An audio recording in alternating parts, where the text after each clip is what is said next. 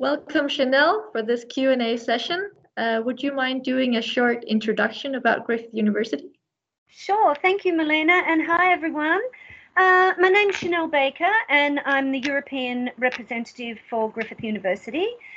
Um, Griffith is one of many universities in Australia, and we're in southeast Queensland, which is in Brisbane and the Gold Coast. So we have five campuses.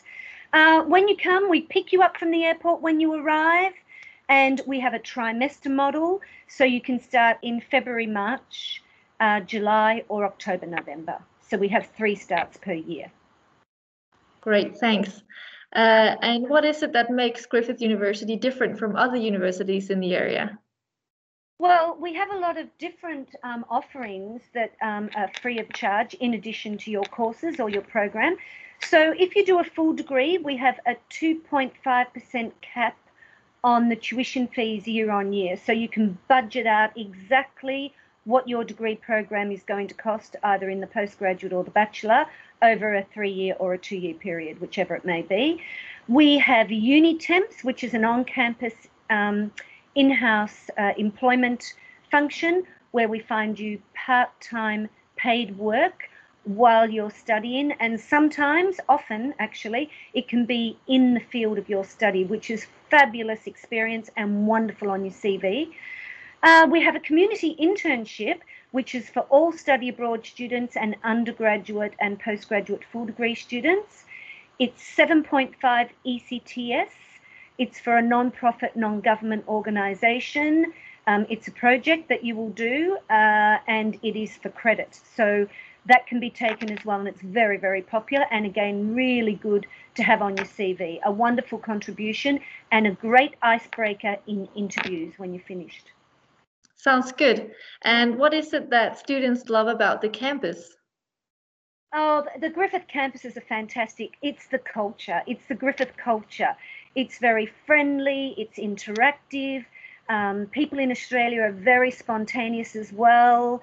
Um, so it's good fun. We have lots of facilities. For example, on the Gold Coast campus, we have a swimming pool, we have two gyms, we have beach volleyball courts. We have coffee shops, restaurants, libraries, and you know small study rooms. It's a really positive atmosphere.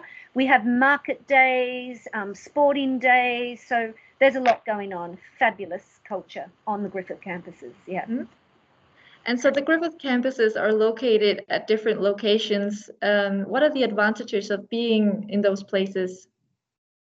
Um, okay, so we've got Brisbane, we've got three campuses there, which is the South Bank campus, which is the Queensland College of Art and Griffith Film. And then we've got um, the Nathan campus, which is our third largest campus. Uh, that pretty much offers everything there. And across the road, the Mount Gravatt campus, there's a shuttle bus going between the two. Then we have the Logan campus located in between Brisbane and the Gold Coast, and our very, very popular Gold Coast campus. Um, the great thing about it is Brisbane is the third just third largest city in Australia, and the Gold that has about 2.1 million. And then in on the Gold Coast we have about 600,000, and it is considerably cheaper to live um, and rent apartments on the Gold Coast and in Brisbane. So that's something to keep in mind.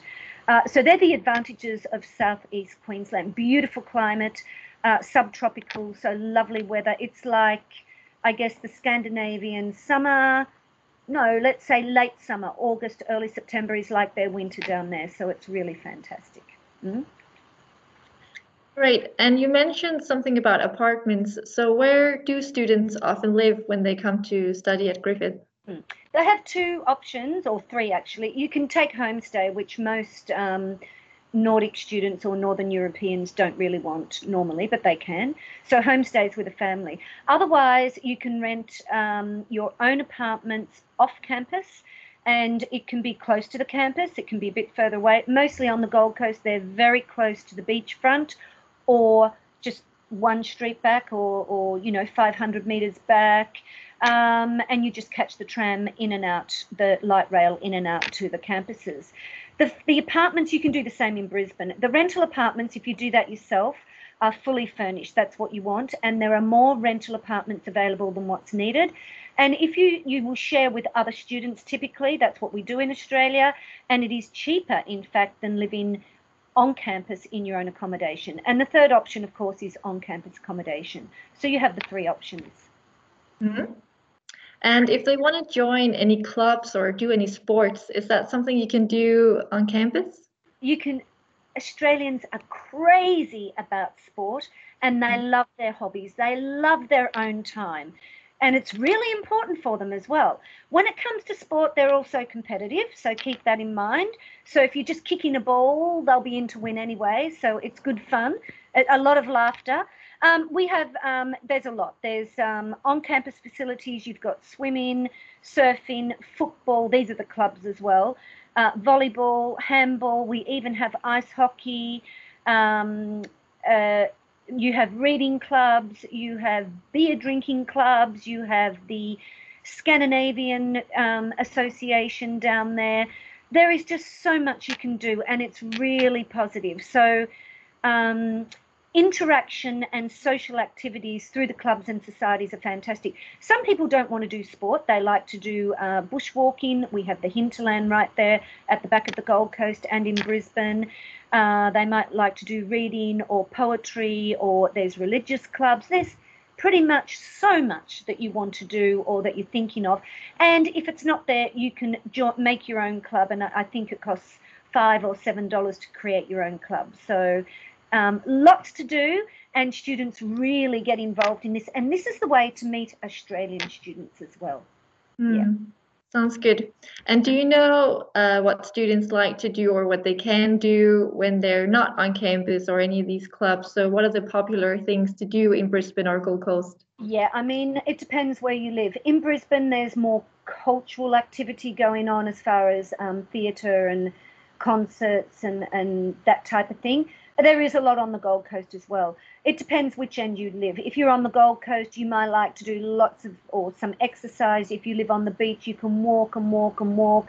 You can go surfing or body surfing or swimming, whatever you want to do, even before you go into campus. You can go just you know 15 minutes back the other way and you're in the hinterland you can do all that it's very social it's very um, spontaneous people don't necessarily make appointments to do something. It's just like, okay, let's go and have a beer, let's go and have a drink, let's go and look at the shops, let's do whatever. And the transportation is so easy in Brisbane and the Gold Coast. So with your um, student ID, you get a really good discount on all public transport. So you just, you know, walk, catch the light rail, uh, the train in Brisbane, you can ride your bike.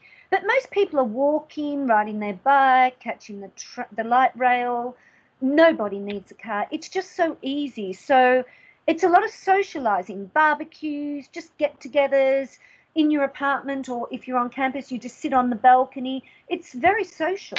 That's how Australia is. So you work hard, and then your private time is very much um, socializing in Australia. And private time is really important in Australia as well. They really prioritize that, which is nice. Mm, sounds good. Thanks. Uh, and at Griffith, you can study pretty much everything. Do you know the most popular courses or study fields that you offer? Yeah, um, we do offer almost everything. Um, in Brisbane, like I said, on the um, South Bank campus, we have the Queensland College of Art, which offers all the design, fine arts, um, photography, so much more. And then you've got Griffith Film, which also incorporates, it's the largest film school, and then it incorporates um, animation and games design, which is very popular and very renowned. We've got some really good alumni coming out of film, animation, and the games. Um, and then you've got international tourism and hospitality management, which is ranked number one in Australia with the QS. You've got um, criminology, it's the oldest uh, criminology school in Australia as well, together with law, which is ranked number one QS in Australia. Marine biology, water science is very, very big at Griffith as well. Political science, uh, the visual and creative arts, um, the business programs, for example, the Bachelor of Business. And you can imagine amongst all that I've just mentioned and all the degree programs uh, postgraduate and bachelor, you've got all these courses as well for study abroad. and there's over 2,500 courses. In addition to that, you've got a whole suite of career changing master's programs. So if you've got a bachelor's degree, let's say in the humanities or uh, technical, let's say, you might want to move into business and you could do a master of business or, you know, that type of thing. There's a whole suite of career changing masters. So you can go into another field and make that swing in your career if you'd like to. So that's quite popular. And you've got double master's degrees where you do two masters, a nice match in two years. So it's a little bit uh, intensified, but you can do two degrees in two years, which is also popular. Mm-hmm. And if you do arrive as a study abroad student, just doing one or two semesters, is it easy to get the courses that you wish for? It is. We have over 2,500 courses and we have our website's very easy to use and we have a course finder website. And you can just write in the area let's say business or um, uh, cultural studies or australian studies or science or uh, marine whatever it might be. And then all the courses automatically just show up and then you can click on them and there you can see which level they are. So if they start if the code the course co- code starts with a one, it's a first year course. If it starts with a three, it's a third year course. And it shows which campus they're on as well. Great. And my final question is How would a first week typically look like at Griffith University as a new international student? Um, the first week, um, you have orientation, and our orientation is marvelous. It's it's fun packed, it's exciting. We have barbecues, parties, uh, dress up nights. One time I saw them all going down to the pub. We have the pub on the campuses, and they go down there all dressed up in fancy dress. It's a lot of laughter, but they also do, as part of orientation, introduction to your course as well as introduction to the specialties and the majors you might be doing. They have getting started courses that you can pre enroll in as well. That could be referencing, especially for students that are just starting off. Referencing is really important. You may mm. have referencing at school, but referencing at Griffith might be different to that. And with these getting started courses, it's good to do them because sometimes a lot of it you might know, but there might be some great tips that you can pick up that save you time later. And in that week too, you will get your books from the bookshop if you need any books. A lot of it now is downloadable online as well. Um, and when you buy your books, you get a 15% discount from our bookshop on campus. And be careful with that. Don't mark the books so that you know in your first week that it's the correct book in case you want to take them back. It's very nice. Orientation's exciting and mm. it's really full fun packed every day. So it's a week and I highly recommend that you all do it and get involved. The Griffith mates are there. They're doing a lot of this and you'll see them in their red t-shirts in the red tents and they can help you with questions like um, your mobile phone provider, for example. They will tell you, they'll give examples. I remember once I saw a student go in there and she asked, and she said, Oh, I work in one of the shops that does this. Just come in and see me and I'll, I'll give you the best um, subscription. You know, that type of thing. So, like I said, it's very interactive, very social, and people are very friendly. You won't be lonely at Griffith. We've got the Griffith mates, and they do all these interactive um, activities the whole year through. So it's um, it can be um, bush care, um, beach care. It's um, Netflix nights. It's coffee catch ups. It's um, uh, Friday night uh, recommendations, Sunday sessions. There is so much you can do with the Griffith mates, and they're second and third year students. So if you're doing a full degree down there, you can also apply to be a Griffith mate.